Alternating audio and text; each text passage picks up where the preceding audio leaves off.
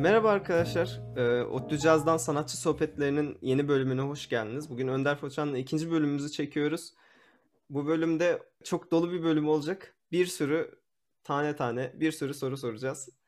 Başlayalım direkt isterseniz. Abi ilk bölümde bize güzel bir e, tarih dersi verdin. Çok güzel şeyler öğrendik. Ben biraz da şu an soracağım soru senin etrafında şekilleniyor aslında. Şimdi abi senin de bahsettiğin gibi ilk bölümde Blue Note Records'la çalıştın sen. Ve yani yanlış biliyorsam beni düzelt abi. Blue Note Records'la çalışan ilk Türk müzisyensin sanırım. Evet galiba sonra da bir de Ayşe Tütüncü'nün var Hı. çalışması. Sonra da olup olmadığını bilmiyorum. Şu anda Blue Note'un olup olmadığını da bilmiyorum işin gerçeği. Abi bu Blue Note'la haşır neşir oldun. Bir sürü senin de anlattığın anılarından falan hani uluslararası caz sahnesindeki sanatçılarla da bir etkileşimin olduğu zamanda doğal olarak. Benim burada sormak istediğim soru şu. Biz açıkçası hani buradaki üç arkadaşımız olarak e, Türk caz sanatçılarını dinlerken böyle bir tık daha farklı bir keyif alıyoruz. Hani daha fazla demeyeyim ama farklı bir keyfi var bize göre Türk caz sanatçılarını dinlemenin. Nedenini bilmiyorum. Arada ya Anadolu ezgilerini sıkıştıran sanatçılarımız oluyor. E, Orta Doğu ezgilerini sıkıştıran sanatçılarımız oluyor. Ama bize göre ayrı bir büyüsü var Türk, san- Türk caz sanatçılarının. Benim sana sormak istediğim de abi sen iki camiayı da görmüş olarak uluslararasını ve yerli caz sanatçılarıyla çalışmış bir insan olarak bu iki kesim arasındaki farkları nasıl sınıflandırırsın veya sence biz niye Türk caz sanatçılarını en azından biz üçümüz niye Türk caz sanatçılarını daha dinlerken daha çok keyif alıyoruz? Evet, aslında zor bir soru.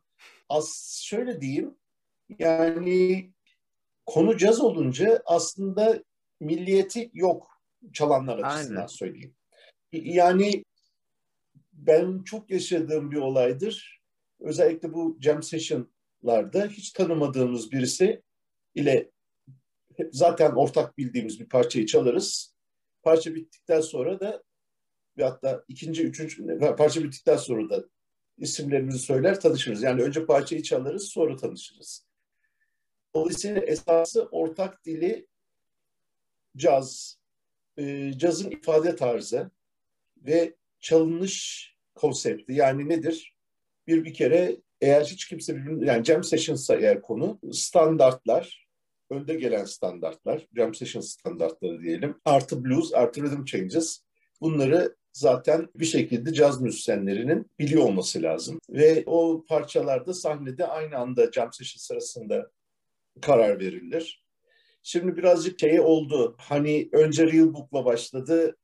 Sonradan e, şimdi bu iReal Book'la falan bu aplikasyonda falan hani transpozisyon falan da kolaylaştı ama yani onun için biraz mertlik bozuldu ama normalde aslında caz müzisyeni bir parçayı biliyorsa 12 tondan çalabiliyor olması lazım. Yani sen yapabiliyor musun de o ayrı konu. Yapamıyorum. Hepsini yapamıyorum da. Yani çok iyi bildiğimi çalıyorum. Ama çok iyi bilmediğimi yani az bildiğim caz standartını 12 ton çalamıyorum.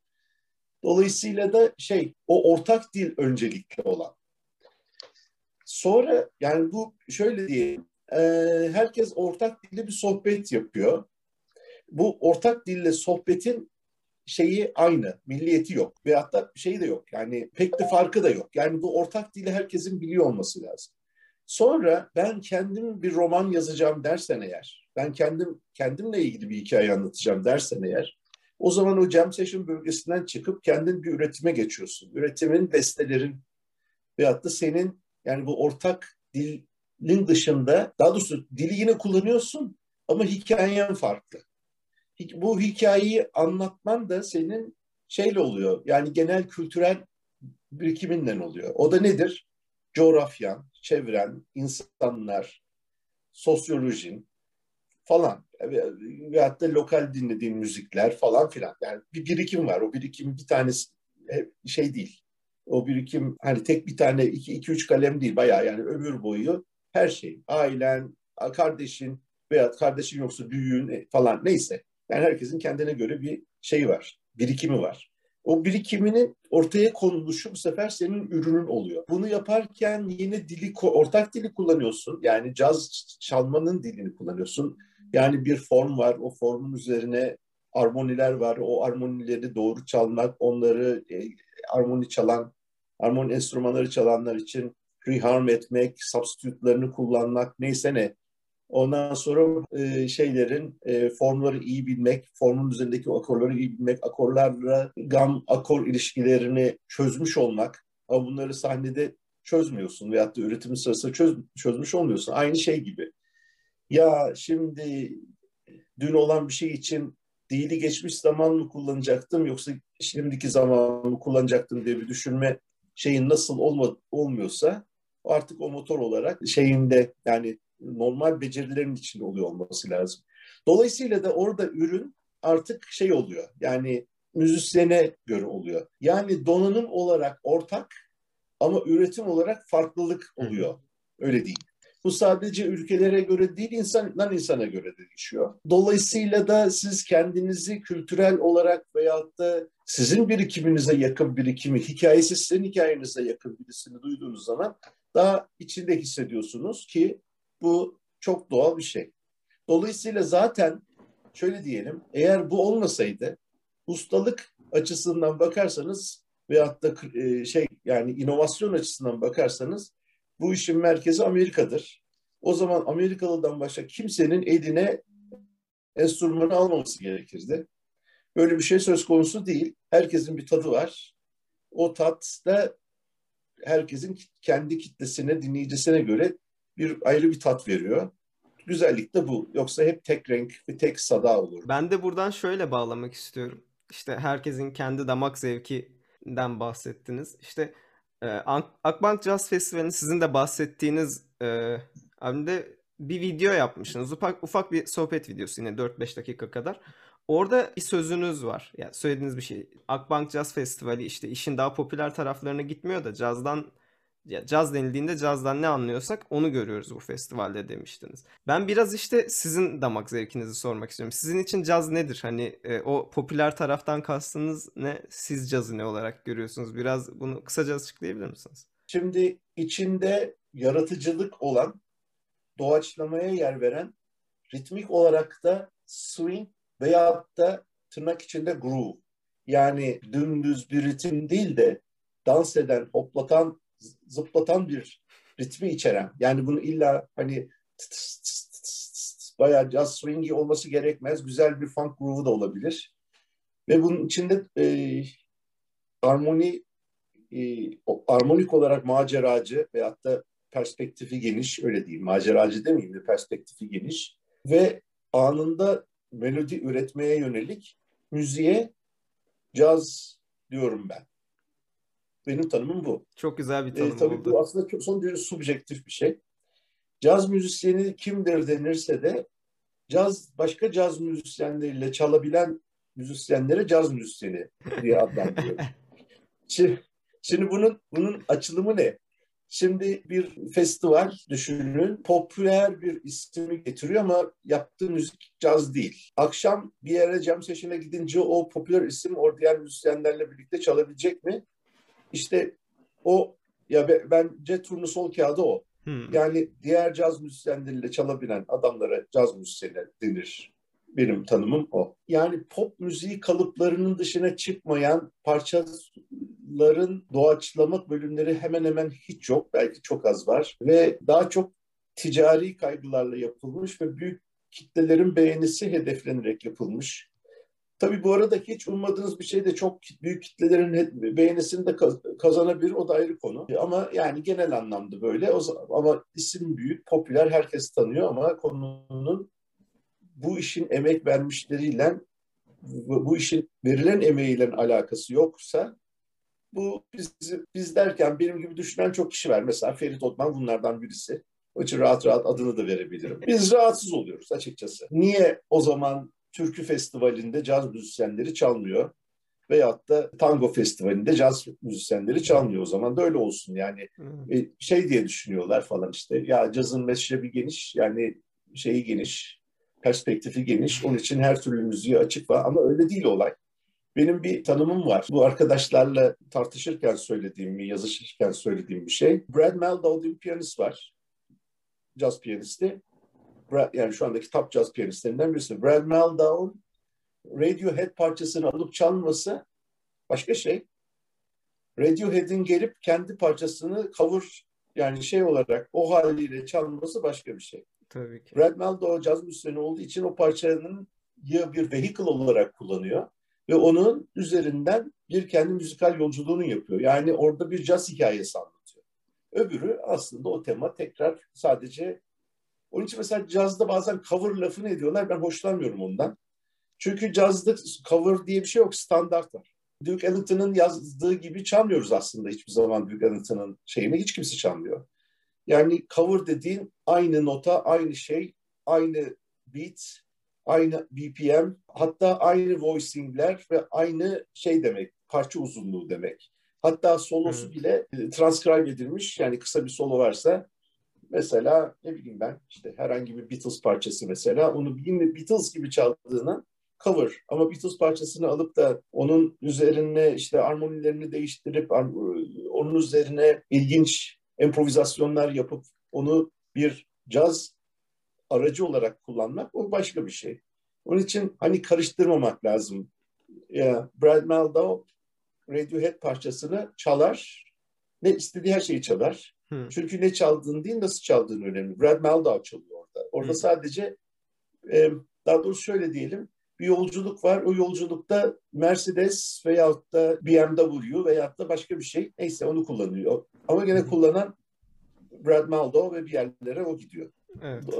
Aracın ne olduğu o kadar önemli değil. E, araç ka- kabul ediyoruz. Zaten hakikaten şeyde caz kitaplarına falan da geçiyor vehicle diye. Hı hı. Onun için yani bazen bu şeyden pop'tan gelen bir terminolojiyle işte şeyin cover'ı falan deniyor da mesela. İşte Duke Ellington'ın cover'ı olmaz yani. Evet. Duke Ellington parçasını da çalan bir caz müzisyeni olur. Evet. Çok teşekkür ederim ama bu Rica ederim. e, bu sorunun son ufak bir şey olarak Mehmetcan sonraki soruya geçmeden cover kelimesi yerine kullandığınız bir kelime var mı? Eğer kullandıysanız ben kaçırdım mı? Ya biz standart diyoruz. Ya mesela bir Caz pop par ya diyelim ki bir pop parçası sizin verdiğiniz örnek gibi bir pop parçasını ya da bir Radiohead Onu parçası. alıp yorumlamak yorumlamak diyoruz veyahut da düzenlemek diyoruz. Yani Hı. ben öyle tercih ediyorum. Tamam kullandığınız kelimeyi Onu- merak etmiştim. Çünkü zaten birebir yani cover olması için bana göre birebir olması lazım. Hani onu tamamen cover etmen lazım. Evet. Tamamen cover etmiyorsun aslında. Yani ondan yola çıkıp başka bir dünyaya gidiyorsun. Hı hı. Öyle olması lazım. Yani hiçbir zaman mesela benim standart Alaturk par- bir albümüm var. Ondaki hiçbir parça aslında şey değil. Zamanı değişiktir, bilmem nesi değişiktir, impro- şeyi değişiktir. Form üzerine improvizasyon yaparız. Hı hı. Mesela bu, bu işte bahar geldi, gül açıldı, ruhuma neşe saçıldı diye bir parça var. Aslında üç dörtlük. Biz dört dört çalıyoruz bossa nova. Bambaşka bir armonik yapı var. Ve onun üzerine de doğaçlama yapıyoruz. Dolayısıyla da bu onun cover olma ihtimali yok. Cover olması Evet. için onu nasıl Türk sanat müziği söyleyenler söylüyorsa o şekilde çalıp o şekilde söylenmesi gerekir. Abi ben bir Akbank Jazz Festivali'nden gene bir soru sormak istiyorum. O 30. yıl albümündeki sizin Memos Expectations parçasında sizin söylediğinize göre yani başka bir söyleşinizden Mehmet Ulu için yazdığınızı söylüyorsunuz. Çok Evet. kısa Mehmet Ulu ile olan ilişkinizden bahsedebilir misiniz bize? Şey e, Mehmet Ulu yani daha doğrusu pozitiflen ta 90 90 yılından beri tanışıyoruz aslında. Onlar ilk festivallerini galiba 90'da yaptılar. Tam emin değilim. Evet 90'da yaptılar veyahut da 91'de yaptılar ki 30. yılda 2020. Onlar hatta ilk başlandı, başladıkları zaman şu andaki çizgilerinin de dışındalardı. Daha avantgardtılar. Daha böyle free jazz falan yönlüydüler. Çünkü zaten pozitifteki arkadaşların ana müzikal beğenileri o yöndedir. İşte Mehmet Ulu da onlardan birisiydi. Genelde çizgi dışı şeyler, yani normal standardın dışında şeyler beklerlerdi. Dolayısıyla benim o yazdığım parça aslında ben benim pek yazdığım parçalara benzemiyor. Dikkat Evet. edilirse. Evet. evet. Biraz böyle daha böyle out bir melodik hattı var. Onun için ben onu Me- Memo's Expectation diye yazdım. Zaten bana öneri geldi ve bir yeni parça olması gerektiği, daha evvelden hiç kayıt olmaması gerektiği ve eğer hazırsa da daha sonraki hiçbir albümde kayıt olmaması gerektiği söylendi. Benim orada da yaptığım kayıtsız parçalarım vardı ama onun üzerine ben hemen yazdım onu bir günde ve işte Ka- Kaan Büyükoğlu ve Ekin Cengiz Kan'la seslendirdim. Elinize Ee, sağlık şey abi. yani sağ ol. Mehmet Uluğ'un beklentisinin Evet. şey olduğunu düşünüyorum ben. Yani biraz sıra dışılık, birazcık daha böyle hani armoninin dışında veyahut da biraz armoni varsa da o armoni birazcık daha alt bir armoni olması gerekir diye düşünüyordu diye. Aslında tabii bunun daha şimdi bu e, albümde bir problem var. E, yani bu 30. yıl albümünde kaç tane 30 tane mi müzisyen var? Bayağı var Yani- abi de. 30'a yakın Bayağı yani. var. 30 değilse de. 30'a yakın. Dolayısıyla bize şey parçalarına süre limitasyonu verildi. 3 Hı hı. dakikalık falan bir şey. Şimdi normalde yani 3 dakika bir soloyu açıp genişletme ve böyle bir, bir daha gerçek bir yolculuk yapmak için çok kısa. Bir korusu solo çalıyoruz zaten. Dolayısıyla da hani o anlamda çekemedik parçayı yani.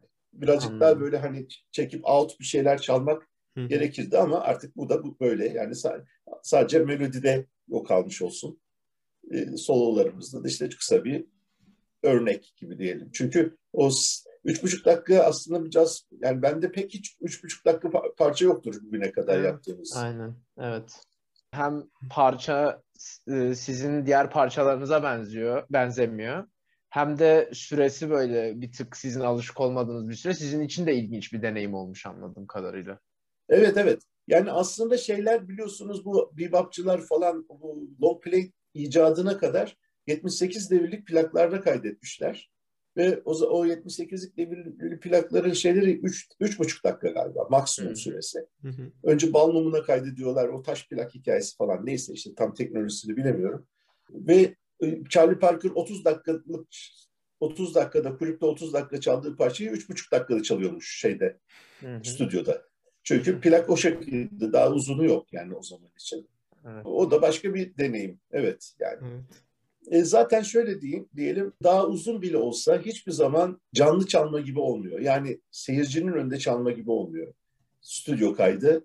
Çünkü o şeyin yani bu müzikal sohbet önce diğer gruptaki diğer şeylerle, müzisyenlerle bir de ayrıca dinleyiciyle de var.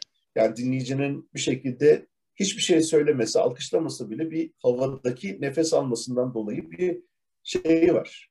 Respansı var. Hı hı. O respons olmadan e, ve hatta seyircilerin bakışları bile yani o bir şey cevap yani şeye müzisyenin çaldığını orası eksik kalıyor şeyde. Onun için de biraz böyle hani ya işte bu da benim bir ürünüm tadın bakın beğenirseniz beni festivallerinize veya da konserlerinize davet edin gibi bir mesajı var aslında albümün.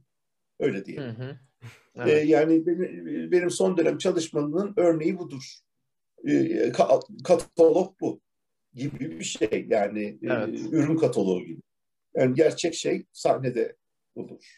Öyle diyeyim caz için söylüyorum. Abi şimdi de biraz hazır ben de ODTÜ makine okuyorum. Sen de ODTÜ makine mezunusun. Biraz sana ODTÜ'yü hatırlatmak istiyorum abi. ODTÜ'deki anların nasıldı yani? ODTÜ'yü güzel mi hatırlıyorsun? Yoksa keşke ODTÜ makinede okumasaydım diyorsun. Bir de en çok merak ettiğimiz şey şu abi. Şimdi ODTÜ makineden, ODTÜ'den mezun olup nasıl böyle Önder Foçan oldun abi? Hani o karar anını çok merak ediyoruz açıkçası. Şimdi şöyle ben ODTÜ makinede mezun olduğumda ODTÜ'de okuduğuma çok memnunum. Çünkü bir şekilde benim bir analitik bir tav- şeyim var, tercihim var. Ve o tercihim yani hayata bakıştaki analitik tercihim ki bunu müzik yaparken, müzik üretirken çok faydasını görüyorum.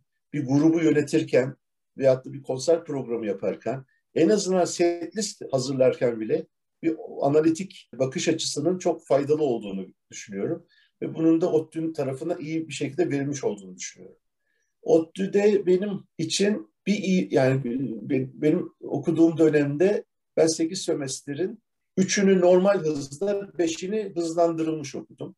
Arada da bir tane 8 aylık bir tane 10 aylık biri boykot biri okul kapatılması boykot artı okul kapatılması öyle bir boşluk oldu.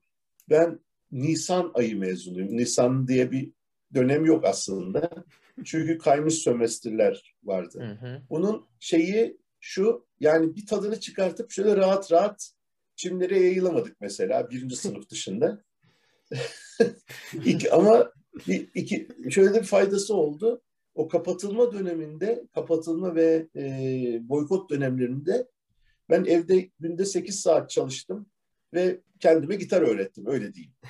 E, caz ve gitar öğrettim ve yani ben belki ODTÜ'nün verdiği bu dis- çalışma disiplini de onu, onu da koymam lazım. Çalışma disiplini çünkü kafaya ciddi takmıştım ve hakikaten gitardaki ve işte armoni, doğaçlama falan bilgilerindeki en büyük aşamayı bu iki okul kapatılma zamanında yaşadım. Bahaneyle bir ikinci şeyim olmuş oldu. Yani major'ım öyle diyeyim. ee, ister istemez e, double major yaptım yani. Yalnız şöyle şunu da söyleyeyim ben mühendisliği bırakmadım hiçbir zaman. Hala da yapıyorum. Mekanik tesisat tasarımcısıyım ben. Şu anda yapıyorum yani. Binaların işte ısıtma, klima, havalandırma tesisatlarının projelendirmesini yapan bir şeyimiz var, ekibimiz var. Ben onun başındayım. 30 senedir. Ee, şey, yani onun için de mühendisliği hala sürdürüyorum. Yani turnede, turnede olduğum zaman bile sürdürüyorum bir şekilde. Kontağım, ama şey şöyle diyeyim, iş kendimin olduğu için yani belirli saatlerde olmam gerekmiyor ama gece kendim çalışıp arası, aradaki farkı kapatabiliyorum veyahut da işte adam çalıştırıyorum falan filan yani bunu kendim yönetebiliyor durumda olmam benim bir şansım. Eşimden çok destek aldım. Yani işimi kolaylaştırdı en önemli şeyi öyle diyeyim. Yani tutup da bana gitarı şöyle tut böyle tut demedi tabii de ama yani işimi hakikaten çok kolaylaştırdı. Yani iki şeyi kariyeri birden rahat şekilde yürütmemde çok faydası oldu. Bizim neslimiz ama eminim ki ODTÜ'de fark eden bir şey yoktur. Birden fazla şeyi en kısa zamanda daha çok başkalarına göre daha fazla üretmek zorunda olan insanlar olarak yetiştik. Ben şimdi bu Finlandiya'da bakıyorum. Ya adam bana randevu veriyor. Ben de adamla görüşeceğim zannediyorum. Beş gün sonraya meğer telefonla arayacakmış. Yani telefonla aramak için beş gün sonraya randevu veriyor. Yani bunu aslında biz Türk yani sadece ODTÜ falan demeyeyim yani Türkiye'de biz zaten fazla e, üretken olmak durumundayız istemez. E, şey yani Türkiye'nin durumundan dolayı işte e, aş, aşmamız gerekli çok şeyin olmasından dolayı imkanlarımızın azlığından dolayı e, o imkan eksikliğini kapamak için daha fazla çalışmak gerektiğinden dolayı falan. Bir bakıma iyi, bir bakıma kötü yani. Ama birden fazla şey yapabiliyoruz. Nerede çalıştığına bağlı, nasıl bir ortamda olduğuna bağlı bir şey. Yani sen de yapabilirsin diye düşünüyorum. Hep, tamam. hepiniz yapabilirsiniz. Ee, şöyle bir sorun var. Ee, çalıştığınız ve çaldığınız birçok albüm içinde keşke hani bir iki parça daha olsaydı da biraz daha fazla çalışsaydım dediğiniz böyle tadı damağınızda kaldı bir albüm ya da albümler var mıdır aklınıza gelen örnekler? Hmm. Ya şöyle e, albümler maalesef daha sıkıntılı oluyor gerçek çalmaya göre. Yani şunu, şunu dediğim olmuştur. Şu konser birazcık daha uzasaydı da üç parça daha çalsaydık dediğim çok olmuştur ama albümde bunu demek hakikaten zor. Çünkü işte bu stüdyo stresi, işte stüdyonun birkaç türlü stresi var. Mesela bu 8 albümünü yapıyoruz. Stüdyo yeni kurulmuş. Hem de stüdyoda imaj stüdyoları yani adı olan bir stüdyo. Ee, o zamanlar bir şey dijital tape yeni çıkmıştı. Böyle iki inç kalınlığında makaralar vardı ama dijital kayıt yapıyordu. Çaldık çaldık çaldık dört saat geçti. Dediler ki ya pardon hepsi boşa gitti formatlamayı unutmuşuz dediler. Sonra o çaldıklarımız kaydolmamış. Tekrar band formatlandı. Biz tekrar çaldık. Tabii baş falan ağrıyor. Yani bir an evvel bitse de bitse de şu projeyi bitirsek şeyi oldu. Şeyi söyleyeyim hani, hani birazcık daha çalsaydık diyebileceğim belki şey olmuştur bu Amerika'da iki, tane o hücum kayıt olan olmuştur. Çünkü o hücum kayıtta zaten işte zaten çalıyorsun işte. Yani miksajı düşünmüyorsun, bilmem neyi düşünmüyorsun. Zaten adam senin kulaklarına öyle bir ses veriyor ki harika bir sound geliyor falan. Bunlar için bir şey diyemem ama son dönemde İstanbul'da bu Hayyam stüdyoları var. Şimdi bütün akustik caz kayıtlarını orada yapılıyor. Yani orası tercih ediliyor. Bir babacım var, bir de şey var. Hayyam Hayyam'daki arkadaş harika. Sinan. O, orada hakikaten keyiflen kayıt yapıyorsunuz. Ama yani yine de kayıtta kula, kulağında kulaklık ondan sonra işte e, bir iki üç say bir daha gir kayıt çok zevkli değil söyleyeyim. Yani bir daha keşke bir, bir iki parça daha olsaydı diyeceğim bir durum yok. Ama mesela Yıldızların Altında'nın o Beneath the Stars'ın kaydında kulaklık da kullanmadık biz. Böyle daire şeklinde durduk. Hammond, davul, gitar, arada şeyler var, ses şeyleri var, bariyerleri var. Yani kayıt için ses bariyerleri var. Biz havadan gayet güzel duyuyoruz. Hiç kulaklık yok. Sanki sahnede canlı çalıyormuşuz gibi. Bir de hatta tenor saksafon vardı birkaç parçada. Konuk tenor saksafoncu John Nugent. E, dolayısıyla orada hakikaten tatlı. Çünkü kulaklık yok bir kere her şeyin evvel. Kulaklık böyle burandan kablo sarkıyor, oradan çekiyor, biraz koluna şey geliyor falan. Yani ben kayıt yapmayı seviyorum çünkü bir yani bir şey bırakmak için ama kaydın yani canlı çalmanın tadı hiçbir zaman kayıtta olmuyor öyle değil. Abi ben sana hazır albümlerinden konu açılmışken bu Reminisce albümünden bir soru sormak istiyorum. Yani evet. na naçizane ben çok merak ettim.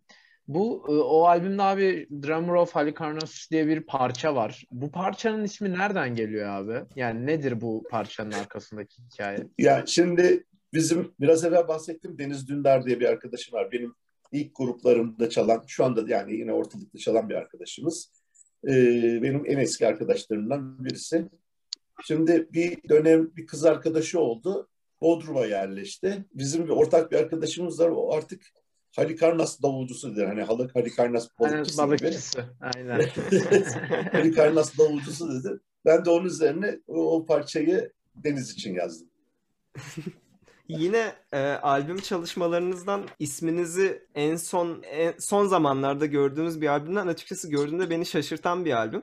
Pes isimli İstanbul çıkışlı bir grup var. Evet. İşte onların biraz bayağı albümün ihtiyacım var parçasında isminizi gördüm ve şaşırdım yani. Öyle hiç görmeyi beklemiyordum açıkçası. Biraz bahsedebilir misiniz o projeden? Tabii tabii. Şimdi şöyle benim ikinci sevdiğim müzik türü rock'tır. Hı hı. Özellikle 70'lerin rakıdır. Yani 70'lerin 80, 80'ler bile değil. Yani 70'lerin rakıdır. Ama bu 70'lerin rakı değil o. Pes'in gitaristi, vokalisti. Kuzenimin oğlu benim. Ha. Can Tamoğlu. Hmm. Ondan sonra bana dedi ki işte ben dayı, bana dayı diyor. Yani teyzemin kızının oğlu. Ee, Önder dayı dedi işte biz böyle bir şeyler yapıyoruz. Ben bir getireyim sana dinler misin falan getirdi. Sonra de bu, bu, buradaki soluyu sen çalar mısın dedi. Çalarım dedim. Sonra işte şeyi getirdi, kayıt şeylerini, e, bilgisayarını getirdi. Ben oraya o bir tane bir parçanın bir tarafında bir sola çaldım. Konuk yani konuk olarak. Evet. Öyle bir keyif oldu benim için. Çok da güzel bir soloydu açıkçası. Çok hoşuma gitti yani böyle o ince ve güzel bir detay olarak. Sağ ol. Dinlemenin arasında e, biz e, Eren'le birlikte çok şaşırmıştık ama gerçekten de çok güzel. Ellerinize sağlık. Çok sağ ol canım. İyi bak bir yere gitmiş yani. Ben de buradan şey sorabilir miyim? Favori caz standartlarınız nelerdir? Şimdi çalmayı sevdiğim veyahut da genelde dinlemeyi yani duymaktan hoşlandığım, dinlemekten hoşlandığım şeyler, parçalar bunlar farklı. Mesela benim böyle beni çok etkileyen caz parçalarından bir tanesi şeydir.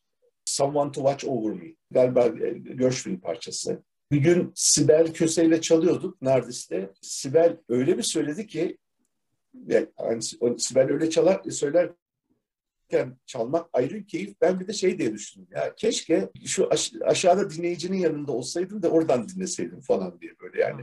Ama yani daha ben daha güzel yerden dinledim tabii sahnede. o parçayı hakikaten se- severim.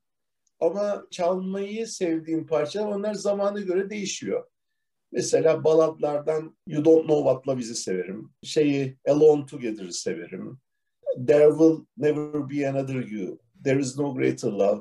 Ondan sonra The Way You Look Tonight mesela severim. Son dönemde I'll Be Seeing You. Onu çok seviyorum. Jazz standardı dışında işte jazz original dediğimiz jazz best yani jazz müzisyenlerin yazdığı parçalardan mesela Cheesecake diye bir parça var. Onu çok konserlerimizde çalıyoruz. New Book albümünde iki tane jazz standardı var. Onu pardon bir tanesini çalıyoruz orada da. Ben şey de seviyorum. Jazz standartlarını komboya göre yap, düzenleme yapmayı. All Love is to Stay diye bir parça var. Yine Gershwin parçası. Onu mesela çok çok çalıyoruz. Like Someone in Love çalıyoruz. Bunlar yani genelde sevdiğim parçalar. Peki abi e, sevdiğin parça, çalmayı sevdiğin parçalardan ben hemen jet bir soru sormak istiyorum arada. Gitarda çalmayı en sevdiğin bir ya da iki akor ve bir chord progression söyleyebilir misin? Ya şöyle diyeyim, ben böyle şeyi seviyorum. Minör tonları. Dolayısıyla da mesela re minör 7 bemol 5, sol 7 bemol 9, do minör 6. Mesela Hı. benim sevdiğim bir progression'dır. Ben de çok Öyle seviyorum. diyeyim. Abi peki gitarda senin böyle bir unique bir sound'un var. Mesela ben Önder Foçan sound'u elde etmek istiyorsam nelere dikkat etmeliyim? Veya Önder Foçan sound'unu nasıl oluşturuyor? Şöyle söyleyeyim, öncelikle genelde sound'unu belirleyen kasa gitar. Evet. Ondan sonra ikincisi yassı tel, flat wound teller. Hı hı. Ve tarına göre de 0.11 veyahut da 0.12 set kullanıyorum. Hı hı. 1,14 kalınlığında Dunlop pene kullanıyorum. Ondan sonra gitarlarımda genellikle ahşap köprü tercih ediyorum. Ki o daha böyle mellow, yumuşak bir ton olsun Hı diye. Brass köprü bana biraz sert geliyor. hı. Ondan sonra action'ı düşürüp teli kalınlaştırma onu seviyorum. Yani yüksek action bana böyle biraz sert hissi giriyor. Aslında düşük action'da mesela 12, 13, 14 hatta tel bile kullanılabiliyor. Amfi olarak da ben daha çok böyle akustik gitar amfisi veyahut da akustik gitar amfisi kılıklı amfileri seviyorum ve transistörlü. Bu lambaları, lambalar bana şey geliyor, sert geliyor. Hı hı. Şöyle sert geliyor. Aslında tam tersini düşünülür de lambalı amfiler genellikle solid body gitar için çok iyi. Evet. Ama kasa gitarlar için yağlı etin üzerine tereyağı gezdirmişin gibi oluyor. Yani her şeyin biraz fazlası oluyor. Onun için de fazla et oluyor. Ben şöyle genellikle mesela rock'ta tiz sesler birazcık daha bright istenir. O ben mesela onu daha mellow seviyorum. O mellow'u yakalamak için tonu kıstığın zaman bu sefer baslar çok çamurlaşıyor. Bunun da yani şey bu akustik gitar amfileriyle veyahut da o kafada yapılmış mesela politon veyahut da Henriksen falan gibi amfilerle veyahut da işte ben şimdi AR kullanıyorum. Akustik gitar amfisi. Onlarla yakalıyorum. Gitarın üzerinden volümü çok açmayı sevmiyorum. Çünkü açtıkça, gain'i açınca baslar, tizler çok artıyor. Ben halbuki ortada akustik bir ses seviyorum. Yani elektronik olarak artan bir bas tiz oluyor. Ben normalde e, tabii bahsettiğim gitarlar Gibson tarzı gitarlar. Yediği falan geçmemeye çalışıyorum. O zaman benim sevdiğim bir ton çıkmış oluyor. Hı. Ve aslında gerçeği e, ben sahnede çalarken pena sesimi duyabilecek kadar volümün düşük olmasını seviyorum. Bir sebebi var mı spesifik? Pena sesini duymak E, istemenizin. spesifik sebebi şu. Sağ elimi ya şey düşünün. Freddie Green diye bir gitarist vardı. Super 400 manyetiksiz gitar, akustik gitarla 40 yıl şeyde Count Basie Orkestrası'nın ritim gitar çaldı. Ritim gitar duyulmaz, hissedilir. E, yani Ha. Freddie Green'i kaldır, Count Basie'nin şeyi olmaz. Ama Freddie Green olunca duymasan bile o swingini coşturuyor. O tarz gitarı mesela elektrik çaldığın zaman çan çan çan çan çan böyle bir şey oluyor. Halbuki o sağ elini abanarak yani sağ elinin drive'ıyla ritmi çıkart yani onu çıkartmak ancak o akustik veyahut da akustiğe çok yakın bir volümü olmuşken oluyor. Dolayısıyla ben daha ataklı çalmayı seviyorum. Yani şeyin üzerinde böyle hani kompresörlü falan gibi bir gitarla değil de hakikaten böyle dinamiği olan bir gitarla çalmayı seviyorum. Ve sağ elimin o şeyi dinamiğini verdiğim zaman da çok elektrik, volüm çok yüksek olduğu zaman o beni rahatsız ediyor. Evet. Bir de o yükseldikçe ton da tatsızlaşıyor. Mümkün olduğunca akustik ve tahta bir ton yani tahta, tahta gitarın tahta tonuna yakın bir şey seviyorum. O Tabii. mellowluk oradan geliyor. Tonu belirleyen bir de bunların dışında elinin açısı, hissiyatın, şahsiyetin, ne bileyim ben işte herkes farklı zaten herkes farklı Evet, olmalı. Ton parmaklardadır Ee, klasik söz. Evet, Aynen. ton parmaklardır. Yani şimdi şöyle ne çalarsam çalayım ben stratla çalsam yine benzer bir ton elde ediyorum ama zorluk çekiyorum, ızdırap çekiyorum. Onun için hani mesela eşim diyor ki ya çaldın yine aynı gibi oldu. Aynı ses şey. Başka bir gitarla çaldım aynı şey. Ama aynı ama işte ben ondan sıkıntı çekiyorum. Öbüründe zaten ben benim sound'umu hemen çok kolay iletebilen bir gitarla Evet. çalmış oluyorum. Belki size aynı gelmiyor. Başkasına aynı gelse de. Çünkü siz evinizde hissetmiyorsunuz belki de böyle bir şey. Doğru, aynen öyle. Aynen öyle. Sohbetimizin sonlarına yaklaşırken yine daha önceden de konuştuğumuz bir konuyu gün yüzüne çıkarmak istiyorum. Önceki podcastlerimizde de bahsetmiştik. Pandemide birçok caz kulübü zor durumlar yaşadı. Biz de merak ediyoruz şu an Nardis'te durumlar nasıldır? Bizim kuşağın getirdiği ve işte ODTÜ'lü olmanın ve mühendis olmanın getirdiği bir anlayışla kötü günler için kefen parası diyorlar şirketler için. Şey, bir kefen parası var. O kefen parasından yiyoruz öyle diyeyim. Yani çünkü kira ödeniyor. Ondan sonra personelle ödeme yapılıyor. Ondan sonra e, ayrıca da kendimiz yaşamak için şey yapıyoruz. Ama buna karşılık gelir yok. İşte onu o şekilde idare ettirmeye çalışıyoruz. Bir de ben bu arada bu pandemi döneminde ofis işine çok yoğunlaştığım için 3 kuruş 5 kuruş oradan kazanıp orayı kapı, şey yapıyoruz. Yani makine mühendisi olmanın faydasını görüyorum açıkçası. İyi ki. Peki e, Evet. Şey yani bizim aklımızdaki sorular bu kadardı ama hani bizimle paylaşmak istediğiniz, dinleyicilerimizle paylaşmak istediğiniz bir şey varsa seve seve dinleriz abi buyur.